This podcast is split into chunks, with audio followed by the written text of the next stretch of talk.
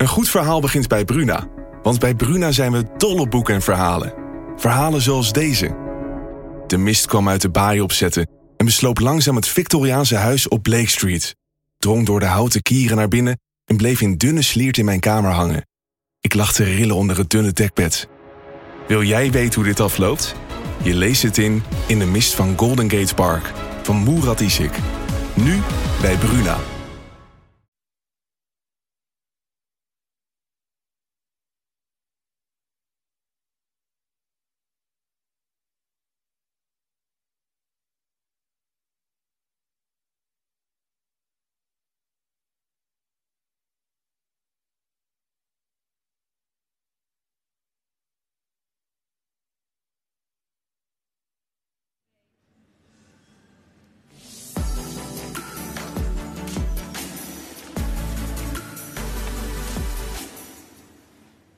Een hele goede middag. Het is weer vrijdag, dus een nieuwe Talk of the Town op deze wat benauwde middag. Maar fijn dat iedereen kijkt, als u kijkt. Uh, we hebben een mooie uitzending voor de boeg. Uh, tenminste, ik heb er heel veel zin in. We gaan het hebben over onder andere dat sms'je dat u misschien heeft ontvangen op uw Android-toestel. Uh, pakket onderweg. Druk op de link. En dan uh, komt hij je kant op. Maar uiteindelijk is het gevaarlijk. We gaan het hebben over internetfraude. Zometeen uh, meer. En we gaan het hebben over de Oost. Uh, afgelopen week in première gegaan. Een hele mooie film van regisseur Jim Tahutu. En we gaan erover praten met Jaap Tuinder, 93. En hij is hier bij ons in de studio. Heeft gediend in voormalig Nederlands-Indië. En een dagboek geschreven. En dat dagboek was van onschatbare waarde voor de makers van de Oost. Edward Lidiard ook in de uitzending. En hij is researcher van die film. Uh, ik ben heel blij dat jullie er zijn. Jaap vooral. Uh, fantastisch dat, uh, dat u er bent. en, dames en heren, het EK komt er natuurlijk aan. we moeten een beetje in de sfeer komen. Ik zie nog weinige slingers hangen. Dus we gaan erover praten. We gaan vooruitblikken op het EK. Nederlands elftal speelt aankomende zondag de eerste wedstrijd tegen Oekraïne. We blikken vooruit met uh, Gibril Sanko en verslaggever uh, Thijs de Jong, die ook nog mooie EK-quizzen maakt. Dus dat wordt uh, fantastisch. We hebben muziek van Christopher 404 en een, een column van onze gastcolumnist Nina Volkerts. Dus het wordt een hele mooie uitzending. Dit is Talk of the Town. Ja, aan tafel hier uh, Maarten Pettinga en uh, daar zit uh, Marieke Mosk. jij bent opgelicht door internetfraude. Maarten weet er alles vanaf. En we gaan even kijken naar een korte naar een foto. Want deze hebben we misschien wel op ons toestel ontvangen afgelopen dagen. Ik tenminste wel. Uw pakket komt eraan. Volg het hier. Maarten, fijn dat je er bent afgelopen uh, ja, decennia ging dit misschien nog wel heel anders. Dan kreeg je misschien mailtjes van een Nigeriaanse prins. Die vroeg om 6000 dollar en was je toch benieuwd hoe dat ging. Nu gaat het allemaal veel geraffineerder. Dus ik wil het met je hebben over uh, cybercriminaliteit, over internetfraude. Uh, Maarten, jij bent ethical hacker. Ja. penetration tester. Zo kunnen we het volgens mij ook noemen. wat is dat precies? Um ja, ik denk ethical hacker het misschien hacker uit zichzelf al een beetje uitlegt, want iedereen kent die term wel. Uh, ethical hacker is, nou ja, in, mijn werkveld noemen we dan penetration tester. Ja. En wat we eigenlijk doen is we proberen op technisch vlak uh, applicaties, webapplicaties, dat zijn websites uh, of computernetwerken eigenlijk te onderzoeken. Proberen binnen te dringen, zeg maar. ja, om de, hoe zeg je dat, de beveiliging te omzeilen. En nou ja, hackers doen het om uh, geld stelen of schade aan te richten. Ja. En als ethisch hacker of penetration tester is, ja, wij doen het eigenlijk voor het bedrijf. En voor ons is het eigenlijk ja, een soort van sport om elke keer weer uh, een trucje te bedenken, of in ieder geval bestaande trucjes of wat dan ook. Uh, of methodes te vinden om binnen te komen, zeg maar. Klinkt interessant. Het is ja. een beetje een soort research wat je doet, of niet? Ja, ja nee. Um, het is een beetje, het is, zeg je dat, tijdsgebonden. Dus we krijgen een, een opdracht van de, van de klant. En die zegt van, goh, deze websites of een stukje computernetwerk moet je onderzocht worden. Uh, en daar krijg je drie, vier dagen de tijd voor. En we schrijven uiteindelijk wat we gezien hebben en hoe we binnen zijn gekomen of niet, zeg maar. Uh, schrijven we een rapport van en die gaat weer naar de klant. En op die manier, nou ja, als zij het dan verbeteren, hopelijk, ja. met onze aanbevelingen, wordt het een stukje veiliger.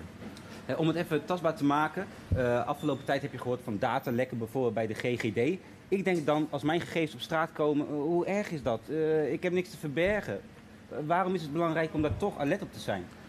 Um, ja, dat is denk ik altijd wat het vaakst gezegd wordt. Ik heb niks te verbergen. Ehm, dat is waarschijnlijk enigszins ook zo voor heel veel mensen, of zo voelt het. Ehm, maar op het moment dat een website of een webapplicatie gehackt wordt, dan wordt er een database gedumpt. En dat kan soms heel lang duren voordat het überhaupt gezien wordt Ja. dat eh, al die gegevens gestolen zijn. Ehm, maar een leuk voorbeeld is bijvoorbeeld, eh, ik geloof een paar weken terug, of een maand geleden, toen is alle kabels is gehackt. Daar is een database van, of er zijn meerdere websites die daaronder hingen. En nou ja, goed, ik kreeg ook spam e-mail in één keer. Dus heel gek is dat. En Ja. dat is denk ik ook hè, dat sms'je van, goh, je hebt een pakketje gemist. Nou ja, goed. En die data en die database zorgt ervoor, hè, je 06-nummer, je e-mailadres. en zo kunnen dus weer andere criminelen jou als doelwit eigenlijk eh, selecteren. Ja. En, en wat is uiteindelijk het doel van die criminelen? Hoe geraffineerd gaan ze te werk? Wat willen ze hebben? Nou, er zijn meerdere dingen die ze kunnen doen. Onder andere is het. ehm, hè, dus, eh, iedereen zit in principe achter jouw geld aan, zo werkt het. Eh, ehm, maar ze kunnen, eh, ze kunnen proberen een phishing eh, eh, aanval op jou te doen. Ja, Vaak wat, gaat dat. wat is dat? Eh, phishing is een social engineering aanval, dus eigenlijk op de persoon. eh, met een soort van trucje. ehm, een, tekst van: Goh, je hebt je pakketje gemist. En dat jij dan op die link klikt, bijvoorbeeld, en denkt: Oh, ik moet een app installeren om dat pakketje te kunnen zien. Ja. En op het moment dat jij dat doet, trap je eigenlijk ergens hè, in hun trucje. Eh, en geef jij dus gegevens weg. Dat kan zijn van eh, het inloggen in je banksysteem, zeg maar. Maar het kan ook zijn dat je, omdat je die app installeert, dat je toegang geeft voor een crimineel op je telefoon. En dan zit dat op je telefoon en op dat moment, op het moment dat het nodig is, kunnen ze dus die weer die gegevens jatten. En Maarten, waar- waarom trappen we daar allemaal zo massaal in? Want ik heb ook bijna het gevoel, als ik dat sms'je ontvang... Hé, ja, zou best kunnen. Er is voor mij ook vast wel een pakketje onderweg. Ik ga erop klikken. Ehm, ja, op een of andere manier denk ik dat we allemaal wel nieuwsgierig zijn. En eh, soms wordt er heel erg ingespeeld op je vertrouwen. Ja? Ehm, maar goed, ja, ik bedoel, we werken allemaal thuis. Als ik een mailtje krijg over dat ik een pakket gemist heb, ja, wij zijn het verbouwen, dus ik krijg de hele week door pakketten. Eh ja, dat baal ik ook natuurlijk. Dus ik ga dan ook kijken. Eh, Maar doen ze dat, het puur je nieuwsgierig maken? Is dat dan de trigger? Wat zijn nog meer triggers hoe ze je proberen over te halen om toch op die linkjes te klikken? Ehm, nou, iets om bijvoorbeeld wat zo mooi is om waar te zijn, dat je geld kan krijgen.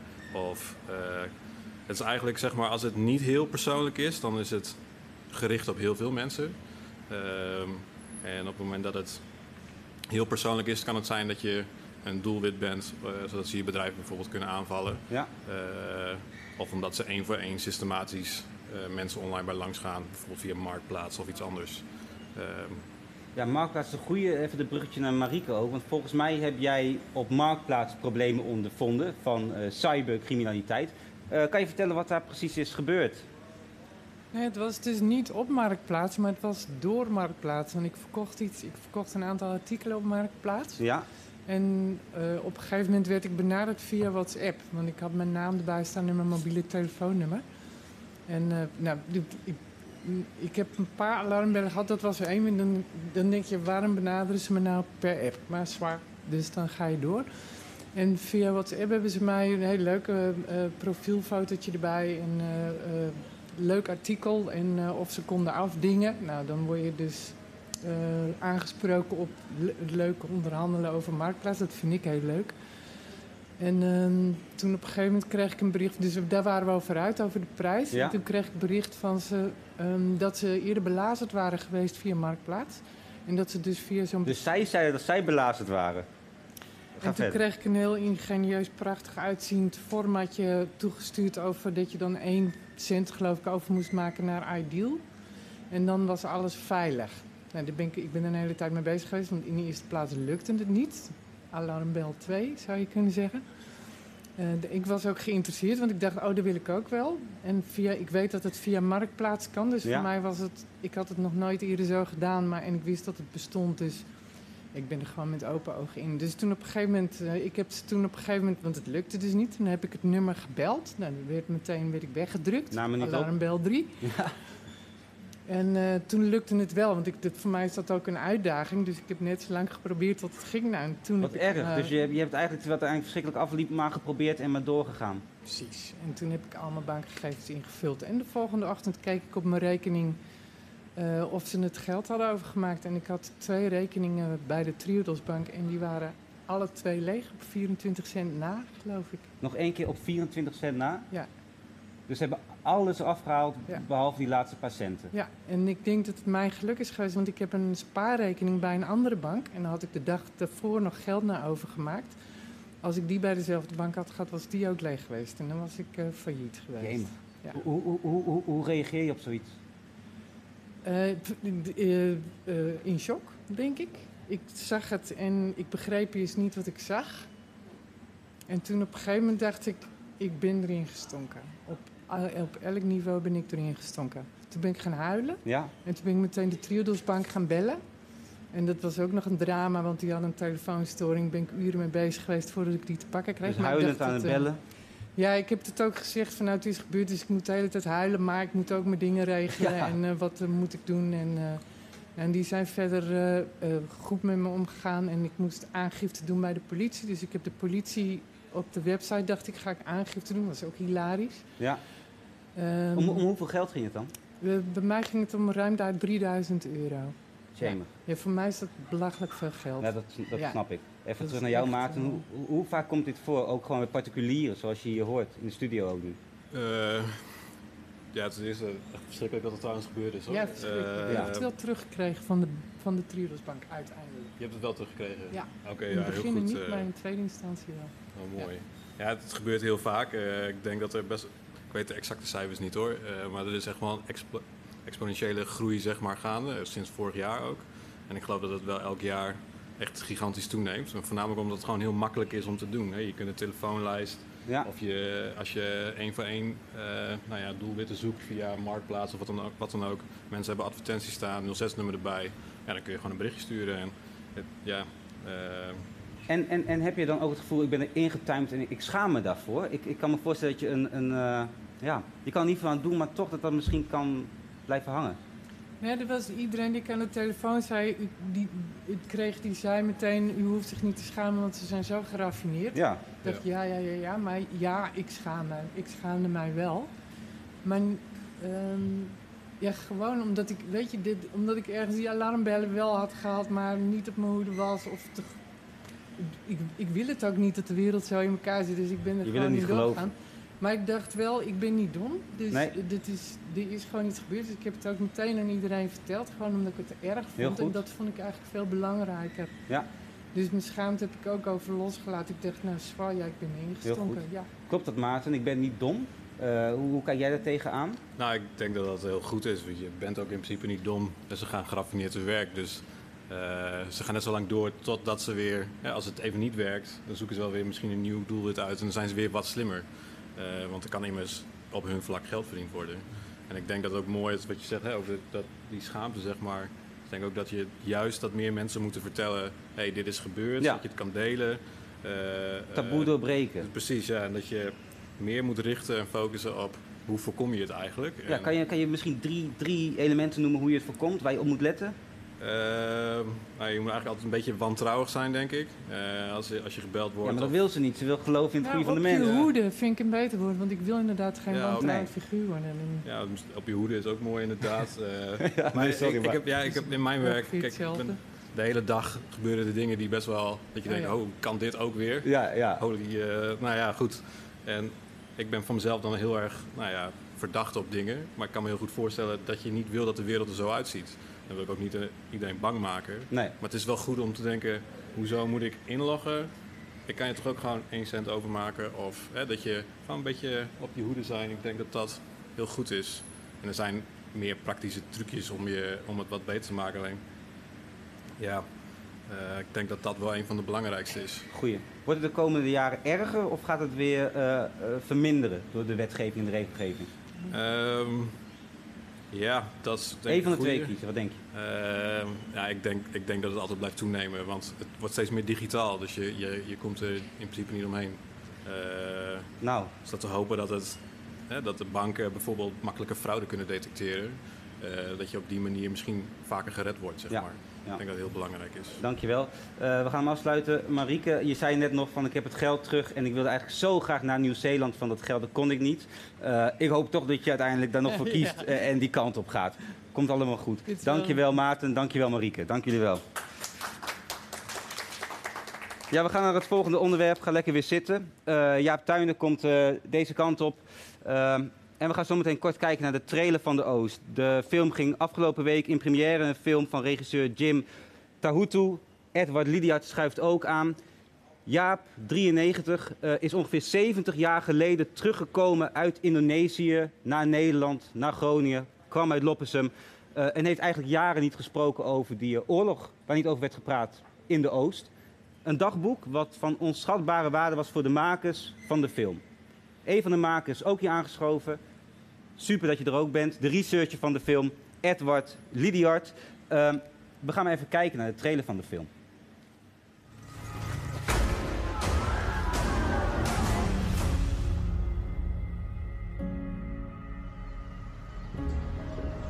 Naam?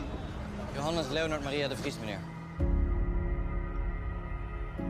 Jullie zijn de dappere zonen waar onze natie trots op zal zijn. Het Japanse gif heeft zich genesteld in onze ooit zo prachtige insuline. Gif dat ook in het hoofd van Sukarno is gekropen. Hé, hey, Sukarno! Kom je halen? Nee, goed! Heren, welkom op kamp Martiaan Liaar. God, nou nu. Is het hier verdomde heet, zeg. Apa kalian lihat pemberontak? We gaan deze mensen ons nooit vertrouwen. Dat heeft geen zin. Wat weet je eigenlijk van de Turk? Put the stuff back inside and get lost. Zeggen het aan, niemand hoeft te rapporteren. Ben je hier gekomen om mensen te helpen of om net als de rest een beetje rondjes te lopen?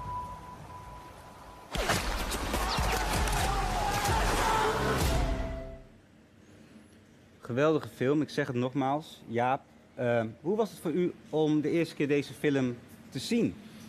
Het was een beetje emotioneel. Ik, uh, het eerste deel van de film vond ik wel dat ik uh, mezelf daarin herkende. Je, je, zag de jongens daar op de patrouille lopen, daar heb ja. ik zelf ook negen maanden gedaan. En ja, het is zo lang geleden dat ik daar geweest ben, maar toch een behoorlijk stuk van herkenning. Het tweede deel van de film waarin uh, kapitein Westerling uh, bezig is, dat was voor mijn tijd. Dat was eind 46, 47. Ja. Dat heb ik dus niet meegemaakt. Kunt u kort uitleggen wat er is gebeurd? Want misschien alleen de trailer, de kijkers hebben de film misschien nog niet gezien. Kapitein Westerling, wat, wat, wat deed die man? Uh, er was veel onlusten in Zuid-Celebes, een deel, deel, van de archipel. Het Nederlandse leger kon dat niet tot orde brengen. Toen heeft het leger, de, de regering heeft hem gevraagd stuur er iemand naartoe die dat wel kan regelen. Met harde hand? Ja, met harde hand. En hij kreeg de carte blanche om daar zijn werk te doen. Uh, als je de beelden ziet, dan uh, is het uh, schrikbarend, vind ik. Ik heb het niet meegemaakt. Ik heb er veel over gelezen. En als je dat, dan, dat gelezen in je hoofd hebt en je ziet dan de beelden, dan denk ik van ja, zo zou het gebeurd kunnen zijn. Heftig. Wat, wat, heeft u wel meegemaakt? U zegt, ik herken me in het eerste deel. Hoe was uw tijd in uh, voormalig Nederlands-Indië? De eerste tijd was, uh, dat begon al met een lachertje. Ik was opgeleid voor uh, radiotelegrafist. Ja. Maar er waren geen radio's, dus ik werd schutter van een mitrailleur. Daar heb ik negen maanden volgehouden. Maar mijn grote wens was, ook toen ik in militaire dienst ging... om ingedeeld te worden bij de korps van de Koninklijke Marechaussee. Waarom wilde u dat? Ja, waarom wil je? Wat wil een jongen die, die, die 16, 17 is? Uh, de eerste oorlogsvrijwilligers kwamen terug in 1948 toen ik in militaire dienst ging. Ik heb de verhalen gehoord van een paar van de jongens wat ze daar hebben meegemaakt. En dan denk je van, uh, dat wil ik ook wel. Maar wat, wat, wat, wat zeggen ze dan hier in het ja. hoge noorden? Komen wat jongens terug en die zeggen van, uh, ik maak ik, wat mee daar. Ik kwam met Loppersum weinig meegemaakt. Ik was een paar keer in de stad Groningen geweest, maar verder was ik nooit geweest. En als je dan de verhalen van die jongens hoort, dan denk je van, ja, dat zit wel een stuk avontuur in, dat wil ik ook wel. Maar heeft u voorbeelden? Wat noemden ze dan? Ja, nou, het land, de bevolking, het eten, de, de, de klimaat en de, de, de band van de jongens onderling. Dat is wat mij wel aantrok. En daar heb, ik, daar heb ik ook, uh, ik ben bijna twee jaar in militaire dienst geweest. Dus die band, die, die mis ik nog best wel eens. Ja. Het kameraadschap. De kameraadschap van de jongens onderling. In de film, u zegt het al, uh, onder Westerling zijn uh, verschrikkelijke dingen gebeurd. Ja. Uh, u was vooral op patrouille. Ja. eerst radio's maken, dat kon niet gebeuren. Nee. Wat, wat, is het heftigste wat u heeft meegemaakt in voormalig Nederlands-Indië? Ja, dat is toch wel bij de, bij de militaire politie. Uh, die zitten in het wachtlokaal en dan komt er een melding binnen van uh, er is iets ergs gebeurd in een ander onderdeel van Palembang, ja. Zuid-Sumatra, waar ik dus gelegen was en waar de politiepost ook was. Er was een ongeluk gebeurd, er was een jongen die had zich door het hoofd geschoten. Uh, een jongen, een Nederlandse jongen? Een Nederlandse jongen van het Nederlands leger had zich door het hoofd geschoten. Had zichzelf door het hoofd geschoten? Ja, ja dat, werd, dat werd niet verteld, maar er, werd, er was een ongeluk gebeurd. En toen we, wij gingen er naartoe en uh, ik heb de jongens hier liggen. Hij had zichzelf door het hoofd geschoten. En wat was nou de aanleiding? Dat horen we later. Hij had een brief gekregen van zijn meisje uit Nederland. Uh, dat zij de verkering verbrak. Ze stuurde een kerstpakketje en onder in het kerstpakketje lag een foto van haar nieuwe jongen. Meen je niet? Dat meen ik. Wat erg. Ja, daar is me steeds bijgebleven. Ja. En dat soort dingen gebeuren meer. U heeft uiteindelijk een, uh, een dagboek bijgehouden? Ja, per dat toeval. Is, per toeval? Ja, wij gingen, wij gingen, op de boot en uh, wij hadden geen, geen, geen fototoestel. Uh, laat staan een, een, mobieltje waar je mee kon bellen. Dus toen ik de boot zat, toen dacht ik van, dit moet ik vastleggen voor later. Want ik wil het later kunnen vertellen. Dat voelde u aan? misschien anderen die het willen. Dus ik ben begonnen met het kratjes te schrijven. Samen met mijn dienstmaker Jan Bos. Ja? En ik de ene dag en Jan de andere dag. Wisselwerking? Wisselwerking, maar Jan zei na twee dagen bekijken, maar ik ga niet verder. Nee? Nee. Dus toen moest u het zelf helemaal... Ben ik, ik, ben zo blij dat ik doorgegaan ben. Waarom? Nou ja, ik heb nu iets wat, wat tastbaar is. Ik, het, het zijn geen foto's, maar je kunt het lezen, je kunt meemaken wat ik heb meegemaakt. Edward, uh, researcher van de film De Oost komen we zo meteen op. Uh, hoe is de ontmoeting met Jaap ontstaan en, en, hoe belangrijk is dit dagboek voor jullie geweest? Um, om te beginnen heel erg belangrijk. Um, wij hebben Jaap um, echt aan het begin van dit hele traject gesproken. Het is ongeveer zes, zeven jaar geleden zal dat zijn. En um, heeft, wat heel veel indruk heeft gemaakt is de wijze waarop, uh, hoe openhartig Jaap hierover gesproken heeft. En ook het gegeven dat hij er heel lang niet over heeft kunnen spreken. Dat hij opeens twee jonge mannen in zijn kamer had uh, waartegen hij zijn verhaal kon vertellen. En vlak voordat wij weggingen, toen zei hij nou jongens, ik heb nog wat. Ik heb een dagboek. Neem maar mee. Misschien hebben jullie er iets aan. Nou, dat misschien, dat is uh, zeker geworden. Uh, we hebben het allebei gelezen. En um, het is voor Jim, die ook het scenario heeft geschreven, samen met Mustafa. Ja. Uh, van, heel erg van belang geweest om een, om een inkijkje te krijgen in de belevingswereld van die jonge mannen die zich daar in de tropen begeven.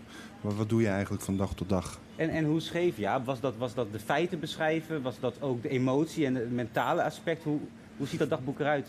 Het dagboek is, um, zoals veel dagboeken zijn, toch wel echt uh, feitelijke weergave van wat er gebeurt. Maar tijdens het gesprek dat we met Jaap gehad hebben, heeft Jaap nog wel wat meer kunnen vertellen. Zaken die niet in het dagboek uh, terug te vinden zijn. Was dat voor u gemakkelijk? Ik kan me voorstellen dat, dat je daar misschien 17 jaar lang weinig, of dat hoor ik veel weinig of nauwelijks over praat. En dan staan er opeens twee jonge filmmakers, researchers in de kamer. Uh, hoe gaat zoiets dan?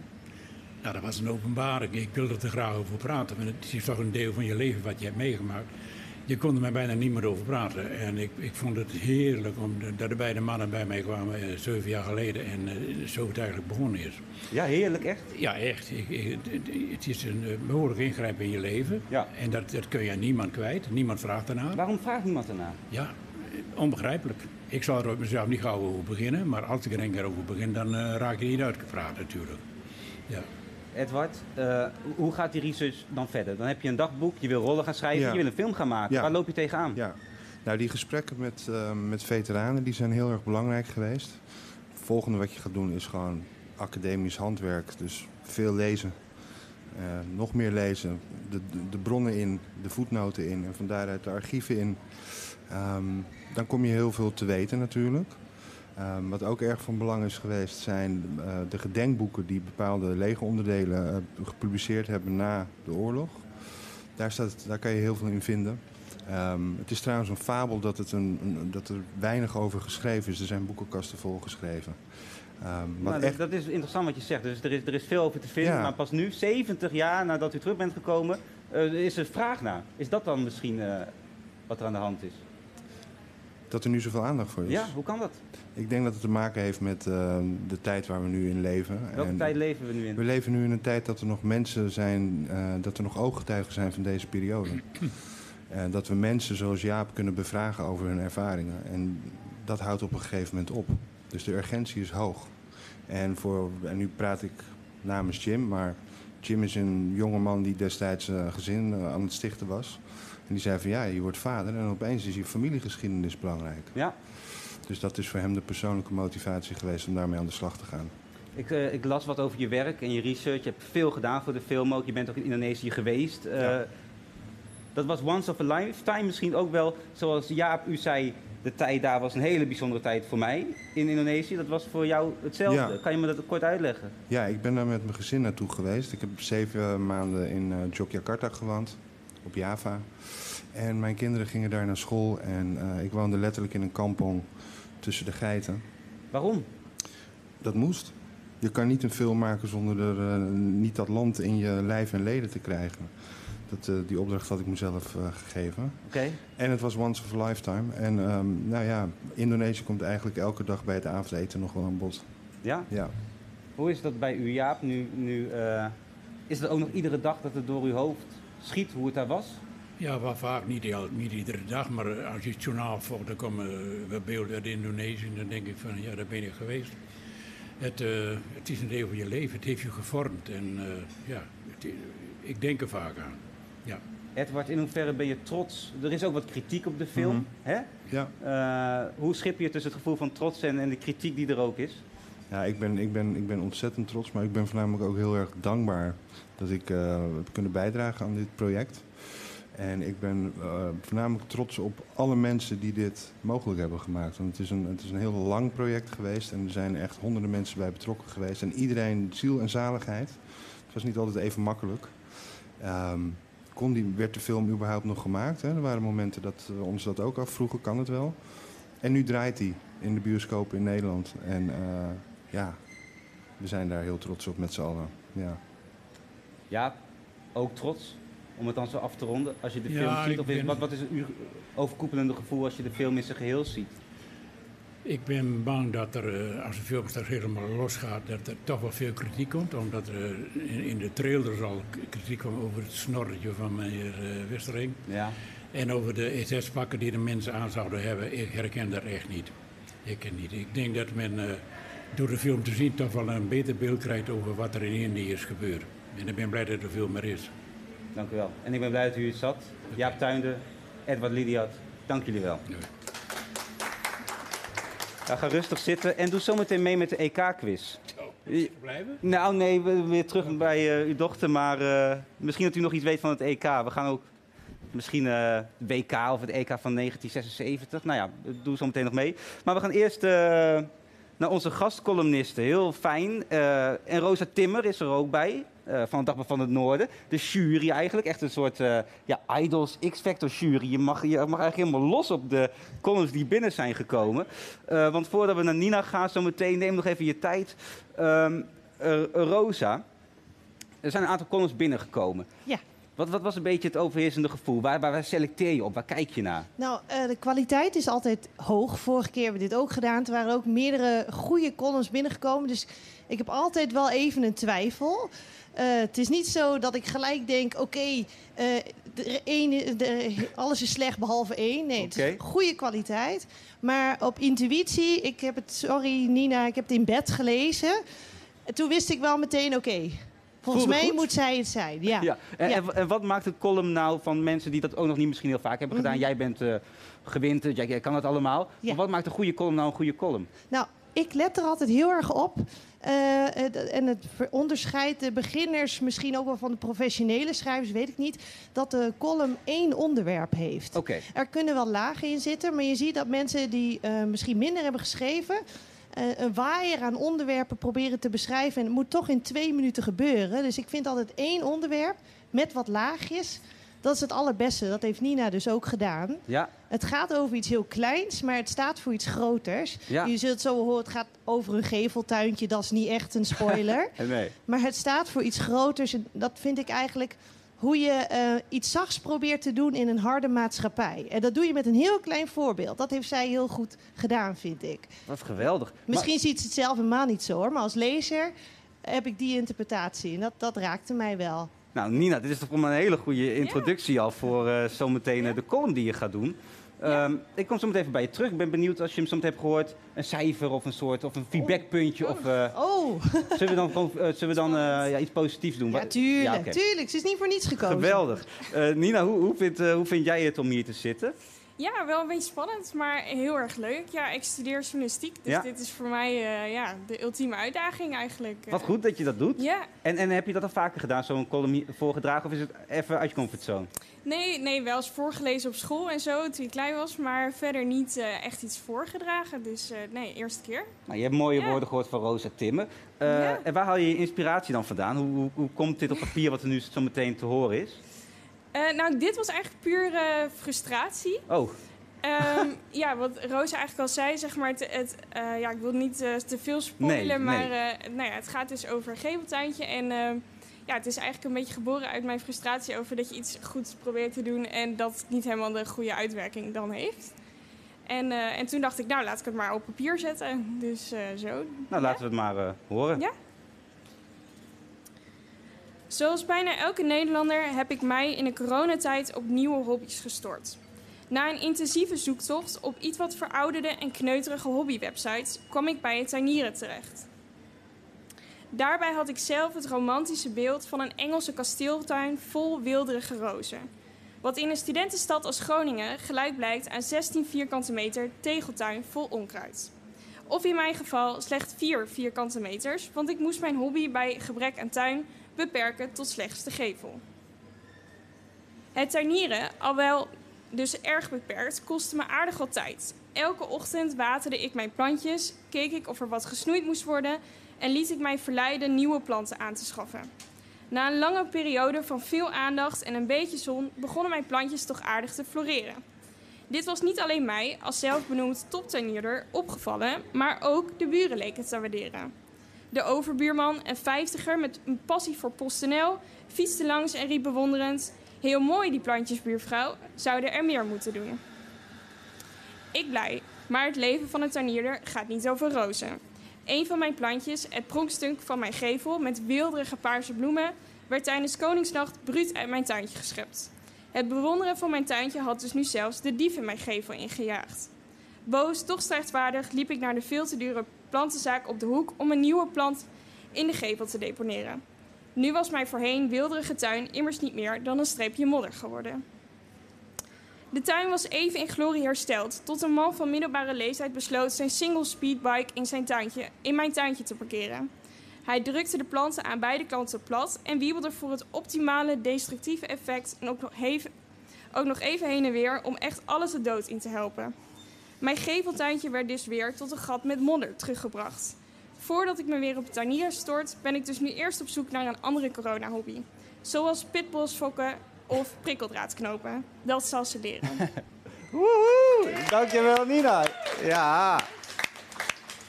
Nou, ja. uh, te horen aan het, uh, aan het uh, commentaar uit de zaal was het een hartstikke goede column. Goede ja, delivery mooi. ook, is ook belangrijk. Hoe ja, je het bedankt. overbrengt in de, de camera. Dat is hartstikke goed gedaan. Rosa, ik, de, de, jury weer. Ja. je hebt het al gelezen, maar toch. Jullie horen het toch? Het, het, verhaal heeft een heel mooi begin. Het is super mooi rond. En wat het zo speciaal maakt, dat moet eigenlijk iedereen doen die een column schrijft. Als je een column hebt geschreven, kijk nog eens of je woorden kan vervangen voor bijzondere woorden. Je hoort Engelse kasteeltuin, uh, wilderige bloemen die bruut uit een tuintje worden geschept. En dat maakt een column. Dat je gewoon even echt goed op je woorden let. Uh, iets mooiers van maakt. En dat heeft ze gedaan, denk ik. En de frustratie, dat is altijd een goede bron voor een Ja. column, hè? Ja, dat kun je wel horen. Ja, doe je dat ook vaak? Je- Jij doet Ja. veel persoonlijke eh, dingen, toch? Ja, dat zei toch ook? Ja, ja, ja, nee, Ja, fantastisch. Het Eh, leven gaat over... eh, ja, de columns gaan over het leven, denk ik. Ja. Daarom. En het leven af en toe frustratie. Geweldige Ja, column. Dank jullie wel. Thanks. Super. Ja, dan gaan we naar het eh, laatste onderdeel. Eh, vanavond begint het eh, EK. Hebben we er een beetje zin in, jongens? Hey? Ja? Geweldig. Ja, het EK begint eh, vanavond. De eerste wedstrijd. eh, Italië speelt tegen Turkije eh, in Rome. En aankomende zondag speelt Nederland de eerste groepswedstrijd tegen Oekraïne. Ja, en ik moet zeggen, ik liep nog even door de stad vandaag voor deze uitzending. de oranje vlaggetjes, het valt mee. Ja, in, oosten, in het park eh, wel een paar vlaggetjes gezien, maar we moeten nog een beetje inknallen. En dat gaan we nu doen. We gaan het hebben over het Nederlands elftal, het EK. Heb, heb je er een beetje zin in, Thijs? Of, eh, Een beetje, ja, een beetje wel. ja, Een beetje wel, zeker nou ja, prima. Ja. Eh, Thijs de Jong, sportverslag geven. En de beste EK-quizzen maken van heel Nederland, misschien wel de wereld. man, dank je. En eh Gibril Sanko, fantastisch dat je er ook bent. Ons eh, publiekslieveling van FC Groningen in de verdediging tussen 2005 en 2010. Eh, in eh, Sierra Leone geboren, ook Nederlander. En eh, jij gaat ook juichen hè, voor Oranje? Zeker. Ja? Ja. Oh, even beginnen. Hoe, hoe zit het oranje gevoel eh, bij jullie mannen? Hoe bij mij zit het Ja. oranje gevoel? Nou, het moet een beetje beginnen nog. En, en toen sloeg Nou, ik vandaag het dagblad van het Noorden over. Ja, god ja. Ja, vind je dit wat? Nou, ja, ja dat vind ik, ik vind het wel een mooi shirt, ja. Ik vind het wel een mooi shirt. Even Ja? kijken, het rugnummer? Nee, er staat geen rugnummer op. Maar wat eh, om. nee, ik, deed vandaag... Heb er de- zin in, hè, jongens? Hebben we er zin in? man. Oh. Dit is de verbrabandisering van Ja, de nee, samenleving. ja. Zie je hier helemaal terug als mensen dit soort dingen dragen. Maar Ik nee, heb nog- ik heb een beetje... toeten. Oh, ook- ook- Och, man, nog erger. Nee, ik sloeg het dagblad van Noorden open en toen zag ik eh, ja, de, mijn anti-held Dirk Kuyt eh, op de cover staan. Dus dat was, eh, dat was even balen. Dat slecht wakker worden? Dat is heel slecht wakker worden voor mij. Ja, nee, dat is, dat is voor mij niet eh, de voetballer waar ik van hou. Nee. Nee. En, eh, en hoe is het met jou, Gibril? Ja, voor mij eh, gaat vanavond gewoon beginnen. Turkije tegen Italië. En dan eh, zondag gaat Nederland spelen. Ja, wij hopen gewoon op een goed resultaat. Ja, maar Nederland moet iets te laten zien. Dat is belangrijk. En hoe, hoe beleef je dat dan? Zit je dan met, met vrouw en kinderen op schoot of eh barbecue aan? Hoe, hoe, hoe zit Gibril Sanko voor de eerste wedstrijd? Nee, ik, ik zie het alleen thuis zondag. Ja. Eh, mijn vrouw en mijn kinderen die zijn gewoon op weg. Dus, eh, Wat zeg je, die zitten? die, die, die zitten op Ameland. En eh, daar ga je gewoon alleen Fijn kijken. ook, ja, of niet? Zeker. Ja. Nee, lekker. Eh, nou, laat het shirtje even voor wat het is. We gaan eh, even... Ik was benieuwd of het mijn maat was. Oh ja, Dus, nou ja, je kan hem zo meteen winnen bij je eigen quiz, heel maar daar komen we zo meteen op. Eerst even inhoudelijk. Ehm, eh, eh, de bondscoach, Frank de Boer. Gibril, jij hebt twee jaar lang eh, de jeugd van FC Groningen gecoacht, dus hè, dat, dat trainersbloed zit ook in jou. Eh, mannen beiden, wat vinden jullie van de bondscoach tot nu toe? Hoe gaat dat?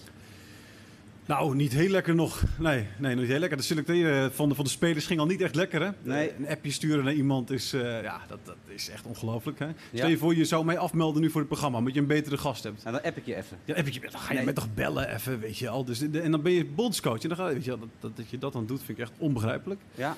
En eh, ja, dat je allemaal verdedigers opstelt. Sorry, je bedoelt trouwens, dat is ook een verdediger, hè? Maar dat vind ik ook stom. Ja, nou, eh, nou eh, we hebben een verdediger ook hier. dus Ik zie je al een beetje geniepig kijken naar, naar Thijs. Nou, hij was wel een leuke verdediger, hè? Dat is, dat is ook weer een Nou, verschil. waarom Nee, dan? Misschien Nou, de mensen kennen Gibril Sanko misschien eh, niet. Nou, kan mij kan niet me niet voorstellen. voorstellen. Nee, maar precies. goed, ik zit even nee, ja. kijken. nee, omdat hij, stel je voor, er komt een hoge bal en je hebt drie aanvallers om je heen. Nou, de meeste verdedigers die, die peren dit ding weg. Ja. Hij, hij nam hem dan nog aan op zijn borst, weet je wel. Dus dat, hij vermaakt het publiek nog wel Ja, je als had wel verdediger. altijd een soort van eh flair over je heen. Die lange bal ook à la Daily Blind. Ja. Dat, ja, dat was fantastisch. Ja, eh, ik heb altijd bij Groningen gewoon leuk eh, die publiek van maken. En eh, als je voetbal gewoon, je moet gewoon een zelfvertrouwen hebben als verdediger. En ook als voetballer. Ja. Nee, dan moet je gewoon altijd op het veld laten zien. Dat is het belangrijkste. En, en de opstelling dan? Eh begin even bij jou, Gibril. Er is veel om te doen, hè? Eh 5-3-2 of 4-3-3. 4-3-3, dat is echt Nederlands. Dat is aanvallend, met aanvallers erin. Eh, wat vind jij van de opstelling? Waarin we waarschijnlijk, het is niet gezegd, maar Ja, ga- er aantreden. gaat, gaat tussen 5-3-3, eh, Ja. eh, 5-3-2 en eh, 4-3-3. Dus ik hoop alleen maar dat die bondscoach eh, de juiste opstelling mag. Maar wat vind jij? Wat vind jij de Ja, beste ik vind gewoon, toen Ronald Koeman was met 5-3-2, dat liep wel lekker. Maar Ja. Frank de Boer is, eh, die is net bijgekomen. En eh, je hebt gewoon de bepaalde spelers daar niet voor. Als je speelt 4-3-3, je moet gewoon eh, twee snelle buitenspelers hebben. Ja. Die gewoon die bal gewoon naar die nummer 10 of die spits kan gewoon voeren om een doelpunt te maken. Maar als ik zie gewoon zo dat je ook gewoon bijvoorbeeld Bergwijn is niet daar. Die is wel snel. En ja, je hebt gewoon nu Weghorst in de spits. Dus ik proef aan je, je vindt deze opstelling geschikt voor het materiaal wat we ook hebben. Ja, nu wel. Ja. Nu wel. Hoe zit het met Thijs? Nou, vind ik niet, ja. Nou, vertel. Maar goed, laat ik, kijk, hij, hij weet er veel meer van dan ik. Hè. Ik heb er eigenlijk helemaal geen verstand van. Maar Nee, ik hoorde iemand zeggen deze week... Ja, precies, ja. Ik hoorde iemand zeggen deze week... Die zei van, ja, de, je wil de beste spelers opstellen, toch? Ja. Nou, wie zijn de beste spelers over het algemeen? Nou, de paai, Malen kan er ook wel wat en dat van. zijn allemaal... Aanvallers. Nou, precies. Dan moet je dus aanvallers opstellen. Dat is wat ik vind. Hoe reageer je erop? eh, Ja, maar je hebt gewoon eh, v- spelers in de verdediger, die, eh, die zijn ook best Dat is ook. Eh, We hebben, we, de hebben de, we hebben de Vrij, we hebben Ja, de de Licht. De. Vrij, de Vrij is net eh, kampioen geworden in Italië. Dat is Ja? ook een grote waarde. Hoor je dat? Nou ja, nee, zeker. Je noemt de vrij licht en, de licht en blind. Nou, dan hou je daarmee op, toch? Je hebt nu Nou ja, je ik hebt zeg dat daarvoor je geen eh, verdedigers op moet stellen. Maar drie lijkt me dan gewoon meer dan genoeg. Ja, oké. Hoe, hoe, hoe zou het bij jou eruit zien? Nou, ik heb over nagedacht. Dit, is, dit komt van André van den Ende. Moet ik even, die heeft dit, eh, deze opstelling gemaakt. Daar ben ik het helemaal mee eens. Keepertje, nou maakt niet uit wie, gewoon een keeper opstellen. Ja, een Moet keeper, wel, ja. een keeper. De Vrij, de Licht Blind. Ja. Eh Frenkie natuurlijk, hè, de belangrijkste daarvoor. Dan eh Klaassen Gravenberg. Oh, Wijnaldum. Verrassend. Malen, Depay, Gakpo. Nou, dat heb je schitterend, jongen. jij bent wel een beetje van het... Nee, eh, maar ga je- luister, we hebben, Nederland is groot geworden omdat we aanvallend voetballen, attractief waren en daarom roemt iedereen ons. Ja. Altijd. Ja. Nou, en dan gaan we dat, dat gooien we allemaal weg. Sinds Bange Bertje bondscoach werd in 2009 is het allemaal weggegooid. Gibril, v- eh, overdrijft hij nou Ja, een beetje? ik kan- Hij ik kan nog kan niet vol op de aanval gaan. Ik kan nog Volgen jullie het allemaal nog trouwens hier, een beetje? Ik kan me wel voorstellen dat je gewoon kiest voor Malen, gewoon de paai, eh, je, je kiest voor snelheid natuurlijk. ja. En eh, Oekraïne is echt eh geëchte ploeg. Dat moet je niet onderschatten als Nederlands elftal. Die hebben ook eh, spelers die bijvoorbeeld die spelen in Italië en in, Ja. in bij Manchester City. Ja, zondag is echt eh, een mooie dag om, eh, om te kijken wat de bondscoach de juiste beslissing maakt eh, qua spelers. Precies, misschien moeten we niet inhoudelijk... Hebben jullie nog een beetje zin in het EK, jongens? Hebben we er zin in? Ja, volgens mij wel. Ik wil nog eventjes aan, aan jullie vragen, hoe, hoe zien de andere landen eruit? Zijn er favorieten? Gaat Nederland het EK winnen of hebben jullie landen waarvan jullie denken... nou, ga daar ook op letten de aankomende weken? Ik denk gewoon zoals altijd in de grote toernoois, eh, of EK of WK, dan heb je gewoon ploegen zoals Italië, Duitsland. Die komt door de, poolfa de poolfase. Ja. En daarna, als je gewoon later gewoon in zijn ritme komen, die gaan weer gevaarlijk zijn. Dus eh, die zijn ploegen. En natuurlijk, Frankrijk is ook eh, wereldkampioen geworden. En je Portugal natuurlijk. Portugal heb je gewoon een hartstikke goede ploeg. Dus eh we gaan gewoon zien. Thijs, eh, drie, drie topfavorieten. Oh, ja, in mijn poeltje zit ik altijd Nederland bovenaan, omdat ik altijd... Ik wil geen greintje blijdschap hebben als ze uitgeschakeld worden. Ehm, ja, Portugal denk ik nog wel. Ehm, nou, Italië zou wel leuk zijn. Italië speelt wel leuk namelijk. En ik ben ook altijd wel voor, de, nou, het mag duidelijk zijn inmiddels, voor het leukste land. Voor, voor, de, voor het leukste Ja, het voetbal leukste dat gespeeld voetbal, wordt. ja. Hoe, hoe, kunnen we jullie, hoe kunnen we nou nog voor zorgen dat er een beetje dat het meer gaat leven in Nederland? Het is een beetje het gevoel alsof het helemaal niet leeft. Hoe kan dat nou? eh, Ja, weet ik niet. Ik, ik sprak toevallig gisteren uh, Uğur Yildirim, eh, eenmalig international voor Nederland zelf dan.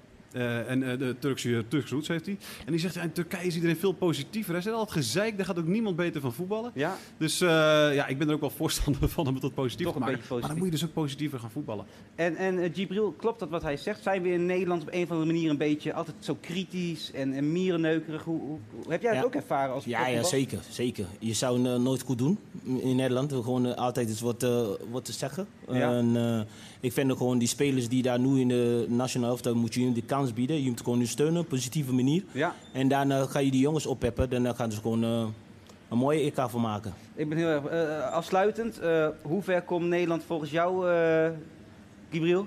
Bij mij eh, kijk ik gewoon wedstrijd voor wedstrijd. Omdat die- je moet gewoon Nederland ook gewoon... eh, Nederland natuurlijk hebben goede spelers. Ja, Maar je nee, moet gewoon we moeten wel eventjes... eventjes moet gewoon eh, je hal- moet- Kwartfinale, halffinale, finale. Eén achtste finale, wat wordt het? Bij mij is dat, gaat er gewoon, eh, dat er gewoon de poolfase doorkomt.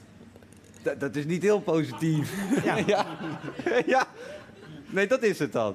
Ja, als we de poolfase doorkomen, dan gaan we nou daar kijken. Maar is open gewoon dat de poolfase Je doorkomt? bent, je, je bent toch geen... Voetbal je nog professioneel, nu nog? Nee, nee, nee. Dan kan je, toch vrij, kan je toch vrij zeggen wat je wil? Nee, maar ik ben gewoon zoals eh, ik ben altijd geweest. Dus eh, Ja, ik kijk gewoon van wedstrijd tot wedstrijd. Dus- Dus nu kan ik gewoon niet zeggen wie gaat winnen. Snap ik, snap Ja. ik. En, eh, en Thijs? Ja, nee, dit, We kampioen. winnen. Ja, kampioen. wel. Kampioen. Jazeker wel. Geweldig. Als het maar leuk wordt. Als het maar leuk wordt. Eh, nou, fantastisch. Dank jullie wel, heren. Eh, Thijs, wij gaan naar, eh, zometeen naar de EK-quiz toe. Ja, dat wordt, dat wordt smullen, dames en heren. Want Thijs, ik zei het al, die maakt geweldige quizjes met feitjes. Hij gaat decennia terug in de tijd. Zometeen gaat Thijs in deze uitzending vier EK-vragen stellen. EK-quizvragen stellen. De resterende vier, in totaal acht, kan je op onze social media kanalen invullen. En dan win je een oranje pakket. Ik ga het langzaam maar wat op tafel zetten. Kan jij je jasje aan doen? Want je hebt een Ja, ja, jasje ik heb mee. een quizjasje aan. Hè? Ja. Of pak je nou al... Stof, eh, denk pak direct pak het shirt al. Ik denk Nee, dat, wil- dat wil je dat laten zien, de dacht winnaar. ik. Nee, ik dacht, dat wil je even laten Nou, zien laat maar even misschien. zien dan. In de camera die. Ik weet niet, wat, ik weet niet welke maat het is. Dus, beetje... Oh, die camera kan je het even laten zien. Ja, oh, Nou, sorry. Ja. Dames en heren, je kan dit shirt winnen van Voetbalshop Groningen. Eh, je kan twee boeken winnen van eh, Van der Velde, van Frenkie en Matthijs. Leggen we ook even neer. En eh, nog wat wijntjes van eh Barrel.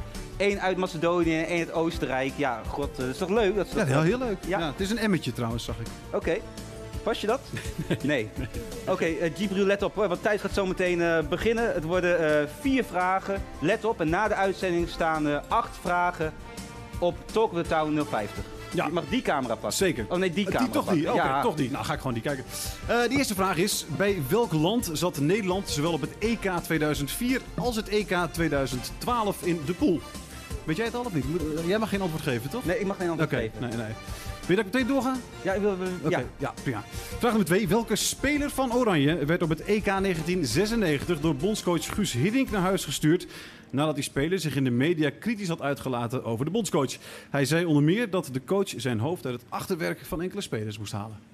Weet jij deze? Gibril? Ja, ik weet hem Die wel. weet ik niet. Brilletje. Brilletje. Brilletje. Brilletje. Volgende. Ja. Als je brilletje zegt, dan weet ik wel. Ja, weet je? Eh, op het EK 1992, 1996 en 2000 werd Nederland na strafschoppen uitgeschakeld. In 2004 won Nederland eindelijk een keer naar penalties. Welk land werd door Nederland uitgeschakeld in de strafschoppenreeks 2004? Nou, ik weet hem. Het is een beetje Ja, zo, ja, beetje zo daar het Ja, noorden. hè, Beetje, noorden. beetje zo, beetje zo inderdaad. Vraag nummer 4. Let op, want het is een mooie prijs, hè? Eh, dit is een klassiek, eh, klassiek EK-vraagje, komt nu. In 2004 was heel het land van streek na de wissel van Arjen Robben in het groepsduel tegen Tsjechië. Jan Mulder riep zelfs op de bondscoach Dick Advocaat te stenigen. Nou, Wie kwam er die wedstrijd voor Arjen Robben in het veld?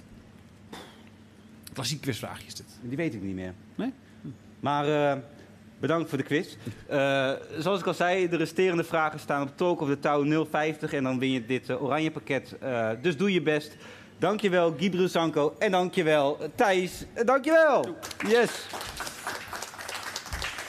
Ja, en dan gaan we naar muziek.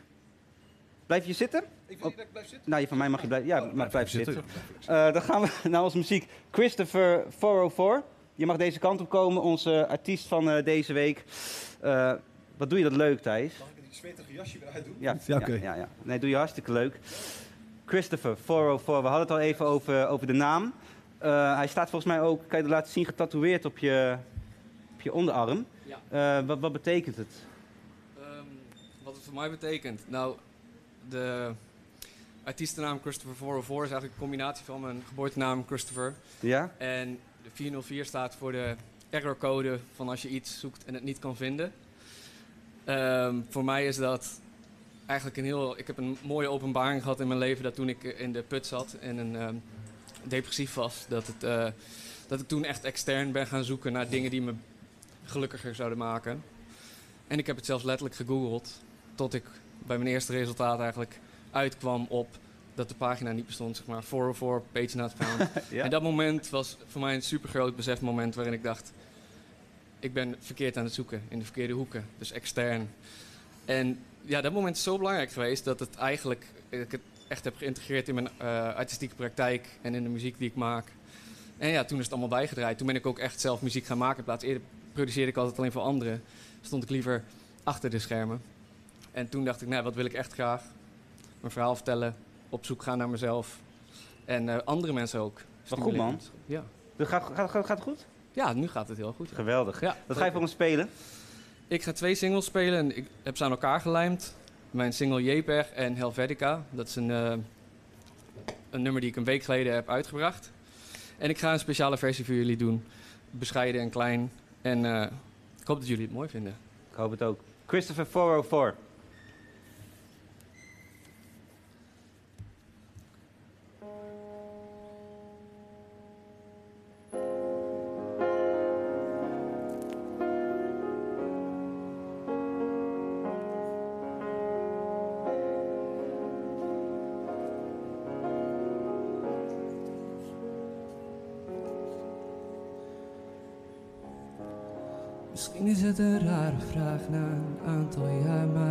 Graag mijn hoodie terug.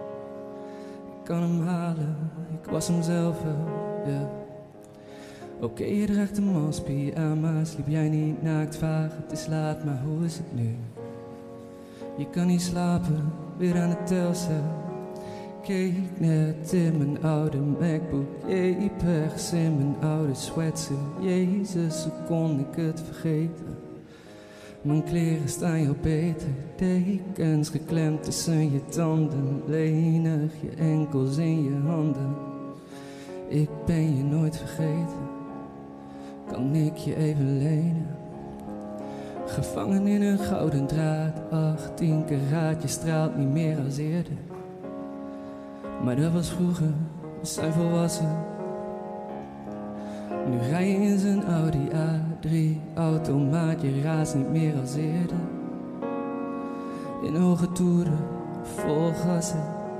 Golf groter dan je rode kap. Voor roses op de motorkap. Foto's, het lijkt zo lang geleden. Kijk die babyfaces, jij geloofde te veel in zekerheid. Ik droomde te veel, het is beter. Zijn wij uitgekeken? Kan ik je even lenen?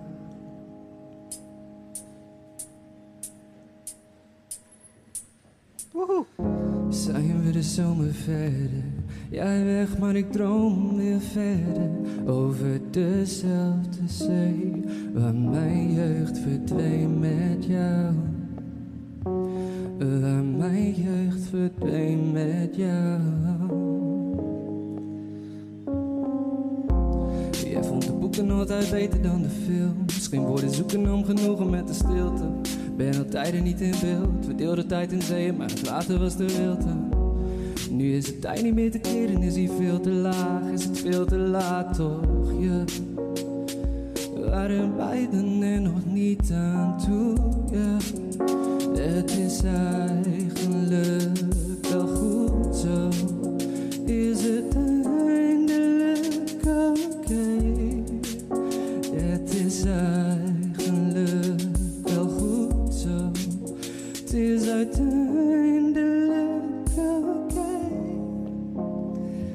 Maar de lucht is wat minder blauw dan dat die toen was. En ik voel minder bij je naam als ik hem nu zeg. Alles wat we hebben ingehouden is al weggeëpt. Geen vlinders in de herfst. Wat ben ik een dwaze? Blijkbaar heb ik het opgeblazen, je kent me. Als ik iets doe, doe ik het nooit met mate. Waren friends back then, leek ik de man in manipulatief. Was maar de jongen, een jongen verliefd. En jij was er nog niet aan toe, nee. Het is eigenlijk wel goed zo. Is het eindelijk oké? Het is eigenlijk